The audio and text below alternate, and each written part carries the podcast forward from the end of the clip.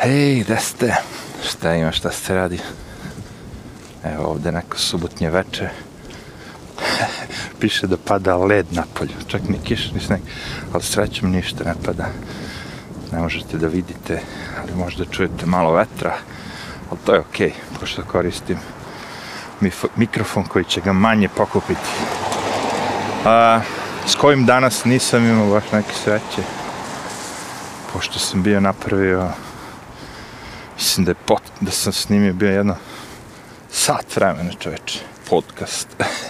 I kad sam došao kući da čujem ono katastrofa od snimka. To mi se već desilo. Zakačim tu bubicu u mikrofon i nekako češe deo jakne. I onda uglavnom mikrofon snima to češanje. A moj glas je negdje u, u pozadini bio onako jedva da se čuje. A, šta je najgore? najgore što to je bio drugi take Znači, prvi take koji sam probao mi je pukao. Isto tako nešto nije bilo redu. I ajde drugi put rekao, imam sat vremena snimio, Rekao, wow, sat vremena. Hoće sad publika da poludi. Kada ona kući, prc. A znaš šta je najbolje od svega toga? Što sam se nekad za takve stvari nervirao nešto kao, tečku, a treba ono, a sad? Ništa rekao. Rekao, ne treba plakati za prolivenim mlekom razumeš, postoje neke stvari, kako bih rekao, padne vam na zemlju, lupom sad, recimo imate eksere, padnu vam na zemlju, statina eksera, uzmete tu kutiju, pokupite ih, bože moj, nikom ništa, right? Ali, kad vam se prospe mleko, a, ne možete da ga pokupite, mislim, možete da ga počistite, da, ali mleko je propalo. e sad, to je fora kao, ne treba pra, plakati za prolivenim mlekom. Gotovo je, it's over. Tako da da jeste, da, to, to je trip, ono kao, šta možeš se uraditi, možeš niš ponovo, sedneš malo, prisjetiš se o čemu si pričao, ponekad bude malo glupo kad tako morate tri puta isto sva da pričate, ponekad nešto ubacite novo, ponekad zaboravite nešto što je bilo dobro i te fore. Znaš, tako da ono, ne, yin yang nešto izgubite, nešto dobijete. Fore da ponovo pokušate. I ponovo, i ponovo, i ponovo dok ne snimite. E sad, tu imam jedan problem. Malo se ovim suje. Kako bi rekao. Znaš, ono kao, ponekad pomisliš, ako ti nešto ne uspe dva, tri, četiri puta, pomisliš kao, jebote, djavo mi ne da, kao, znaš, ono, govori ti nešto, nemoj to da uradiš, nemoj to da uradiš, nemoj to da uradiš, znaš, to je loše, to nije dobro. Ili, opet suprotno, ono kao, možete neko baš tera da uradiš nešto loše, a neko drugi te uh, anđeo sprečava da to ne radiš. Sve jedno, tu morate da se ono, uh, racionalno razmislite. Drugim rečima, ako sam već nešto tri put pokušao, znaš, imam već neko iskustvo, možda baš iz četvrtog i uspe, pošto sam naučio iz tri puta. Znaš, pojenta je da više verujem u never give up nego djavo mi ne da mira. Tako da da, mogli bi da se prisetimo o čemu sam ja to danas pričao. Znači, odgledao sam neke videe, da, sećam se. Ovo jedan je bio od jednog tog kanadjanina, kako se beše zove, a dose of Buckley. Doza Buckley. I šta beše s njim? A Dozu Buckley je ono kao kanalik, komentariše dosta tu muziku, scenu, sve živo ono na planeti, kako bi rekao, što je vezano za te svetske zvezde, muzičke scene. Evo, uglavnom, taj trash.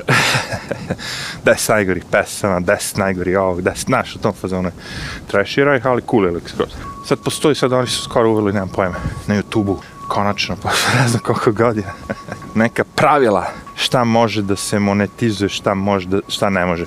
Nemam pojma monetizacija, valjda radi od 2009. godine, recimo da je na već nekih koliko, ono, kao, dugo godina, 12 godina im je trebalo da naprave, ono, e, ljudi, ne smijete to da prikazujete, ako hoćete da zarađujete novac. Dozo Baklije, znači, ovog puta uzeo i, ne znam koja, biš, analizirao te sve neke, ono, spotove, da kažemo, video spotove koje su najgledanije stvar na YouTube-u, gde YouTube zarađuje najviše novca, znači gde se najviše reklama vrti i pokazuje kako je dozvoljeno skoro pornografija i haos, ono, sve živo, ono, reči, najgore, najveći trash, ono, ako je to u sklopu umetničke forme muzičkog spota.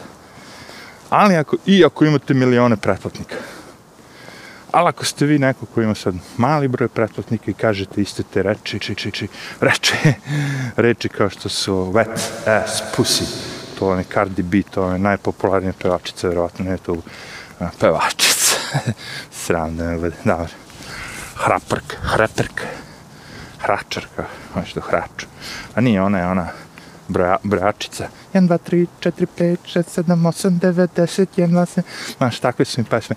1, 2, 3, 4, 5, 6, 7, 8, 9, 10, 1, na, na, na, na, na, na, na. Sve su iste. Kao ove latino. Tum, tum, tum, tum, tum, sve isti ritam, sve isto. Ali nema veze, pravi pare.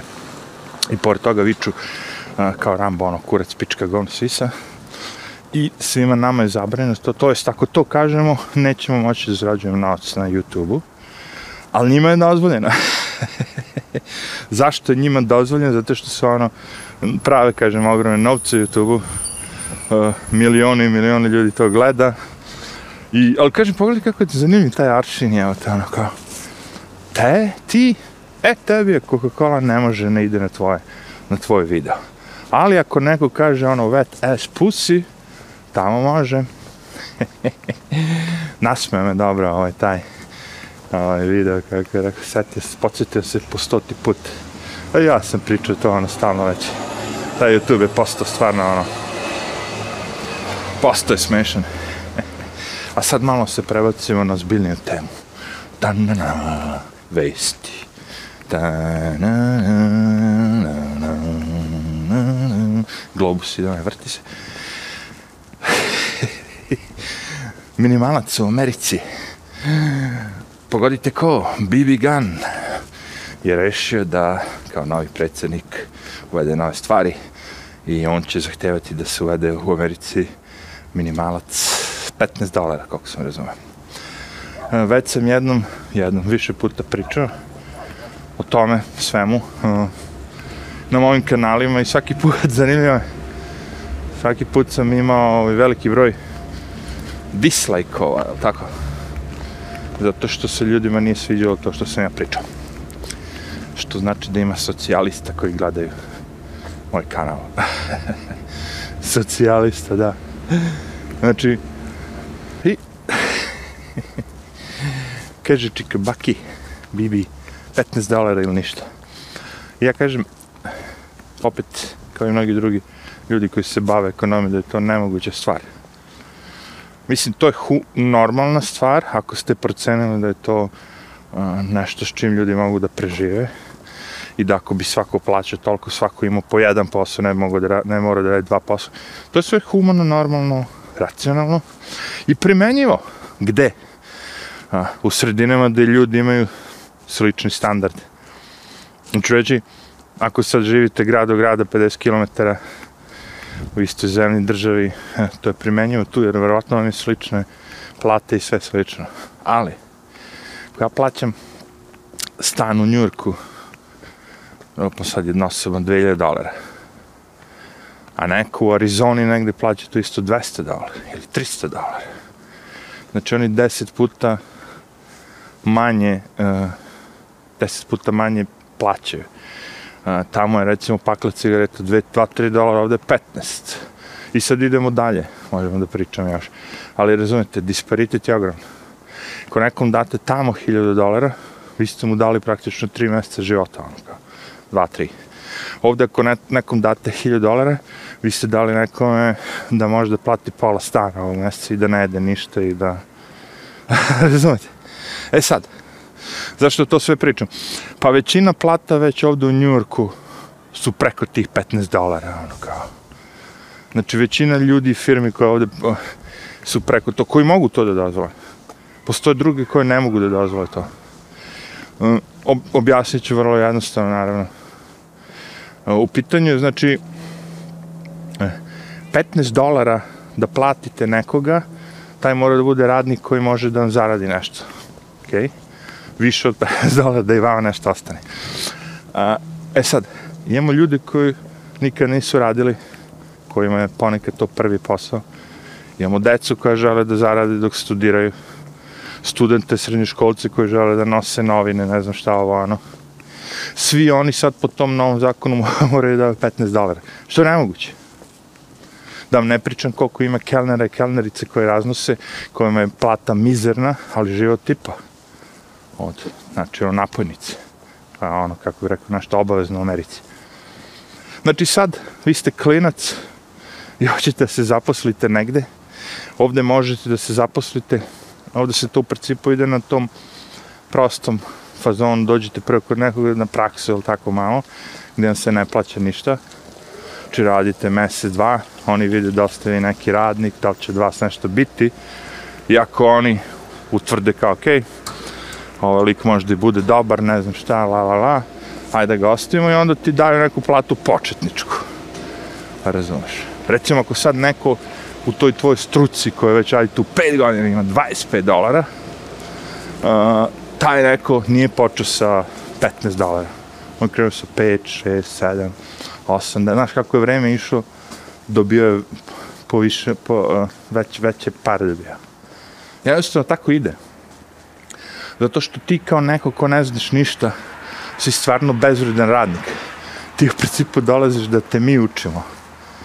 I mnogi put se desi, mi te naučimo i ti odeš u neku drugu firmu i već znaš da radiš. Ali zato ti kažem, uvijek postoje ta neka pismo preporuke. U Americi se to gleda. Znači sad ako bi ti otišao u neku drugu firmu da radiš, taj neko ako bi pitao neku preporuku, znaš, mora bi da zavne mene, ja bi rekao, je matori, taj pobego, tri mjeseca smo ga obučavali, svega naučili i on pobeže. znači šta, kažem, ubijate mogućnost da mladi ljudi se zaposle, šegrti da dolaze. I to će ubiti dosta, kako bih rekao, posla. Jer sad ti mene teraš da ja neko dam 15 dolara. I on radi 8 sati dnevno. Ja ne mogu da vam dam 15 dolara. Ja ću sa njemu da, da kažem, on da radi 6 sati. Radit će manje, dobijat će manje para. Glupo je uopšte, ne možeš ti protiv toga. Ti možeš da naređuješ stvari, ali kažem ti, dešavat će se to, da će usluga biti loše. Znaš, uvijek će da trpi kupac na kraju. Kupac će da plaća sve skuplje. to se zove inflacija. Znači, ako ti dižeš cenu radniku, daš veću platu i samim tim pod, po, povisuješ cene proizvoda, nisi baš nešto napravio biznis, ako ne pitaš. Nemoguća misija.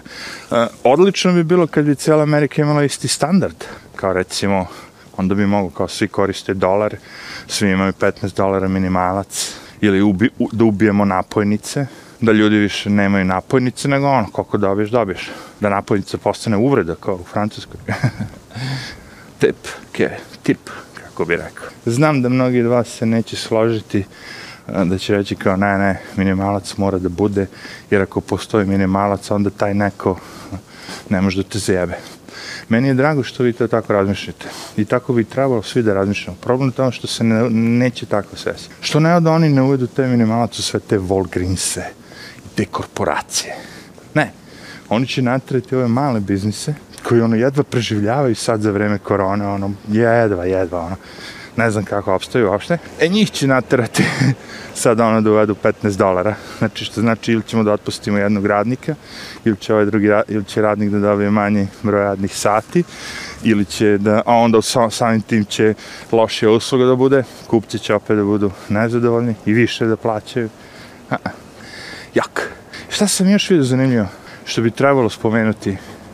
Znači vidjeli ste da je taj kao, ceo taj dobar posao, stiču sam ostavio za kraj Trumpa, je tako, ali ono, vidjeli ste da cela ta maskarada, sve to u vezi tog napada kao na prestonicu u Washington DC, a, da je pandur neki poginuo i da su mu dali već ono, orden časti ili šta već, zlatno srce, kako se to zove već u Americi, ovo ono i da su rekli da su ga ovi utabali Trumpovci sa požarnim aparatom.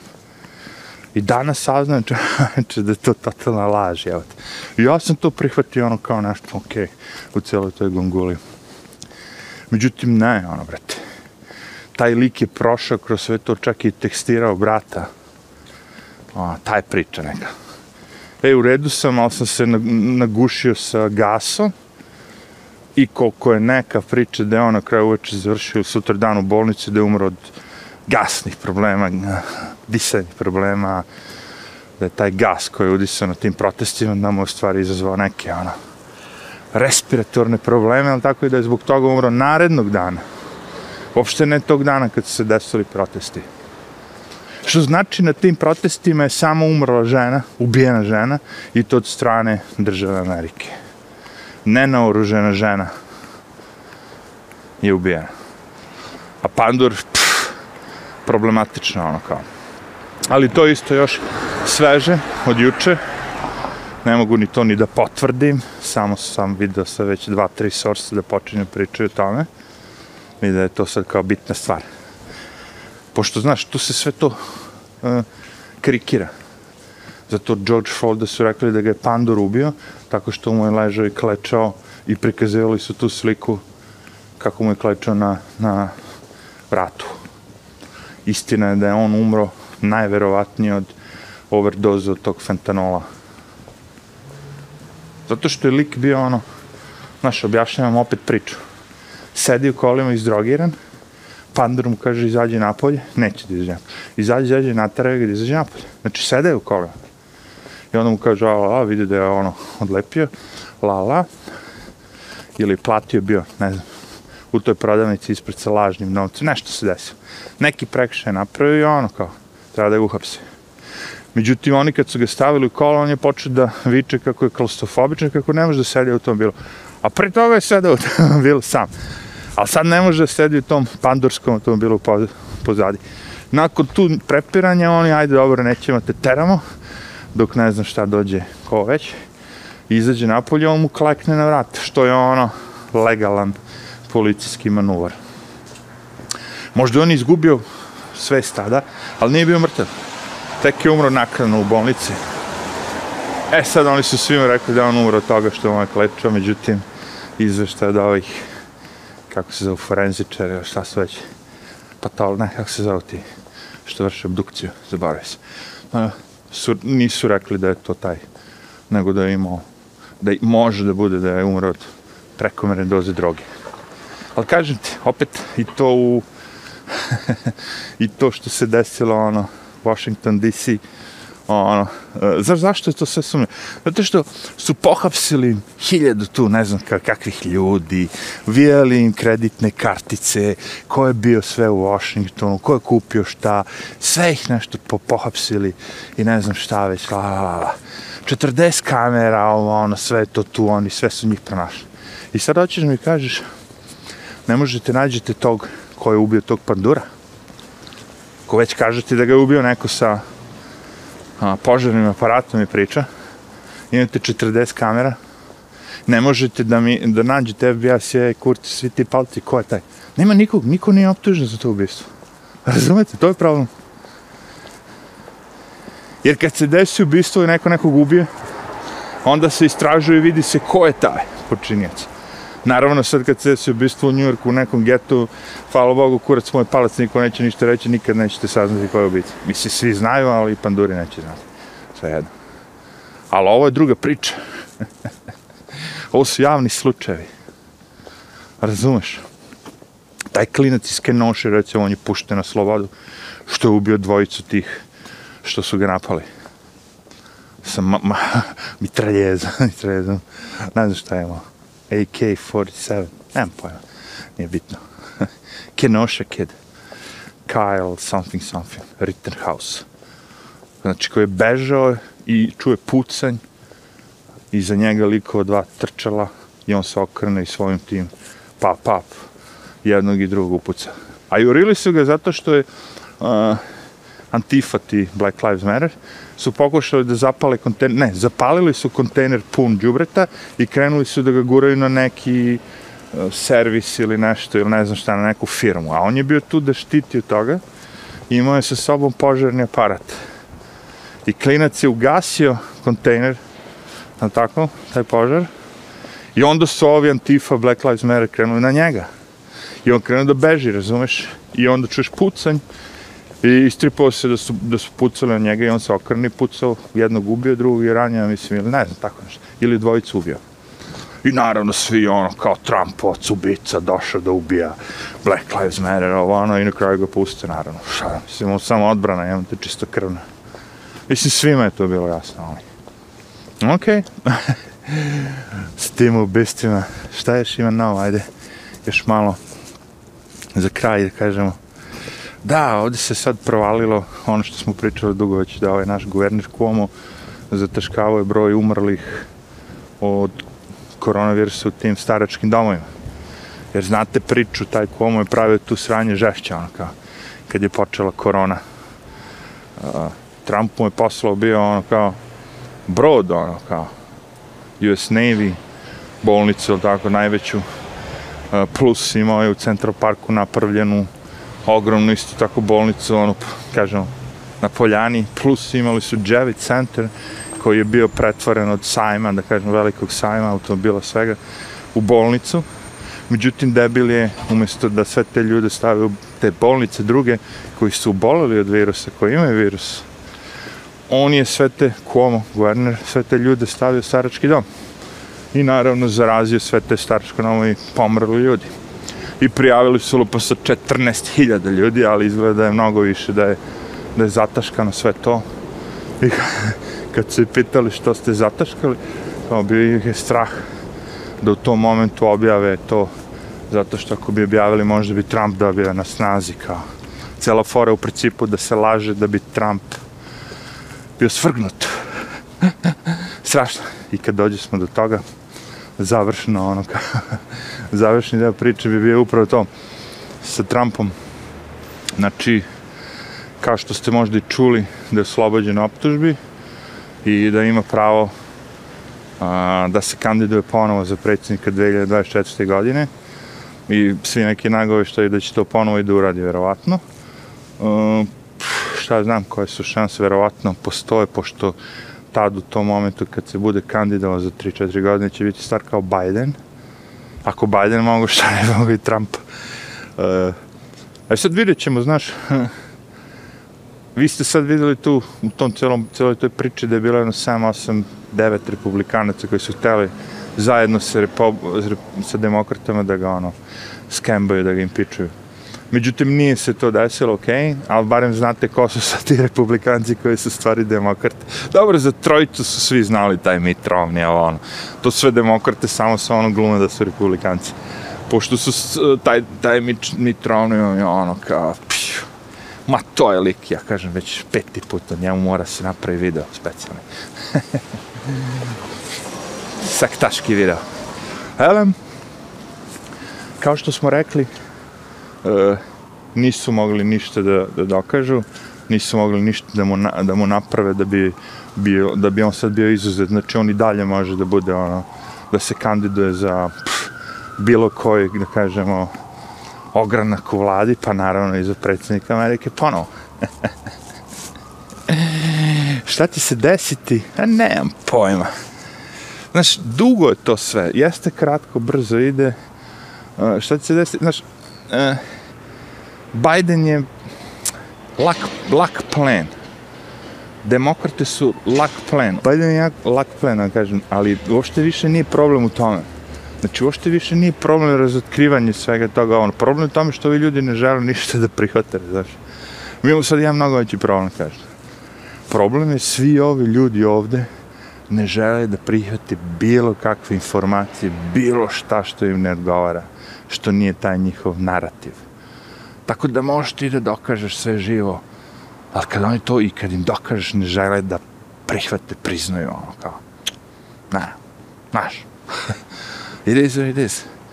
Pa ono kao, demokrate su od 2016. 17. godine januara, kad je Trump stupio na funkciju predsjednika, u istom momentu je krenulo četiri, ono, četvora od njih su krenuli na tražim pič. Znači, sa jednim danom predsjednik je bio Trump je bio predsjednik jedan dan, odmah su tražili da ga im piče. Na osnovu čega? Na osnovu čega si tražio na, na, nakon jedan dan neko da bude u, na poslu da tražiš otkaz? Ne? Znači nije ništa ni uradio već. Tako da, eh, Bio to neki duži video da se razumemo, 60 minuta, ovo je mnogo kraće, ali u principu sažeo sam sve što se mogao na sad ćemo vidjeti koliko ako je snimio. E, da vidimo što kaže. Kaže, neki ukucaj kod da bi ti dao da vidiš. 30 minuta, a, fair enough. Barem se čuje dobro. I hope so. Aj, pozdrav.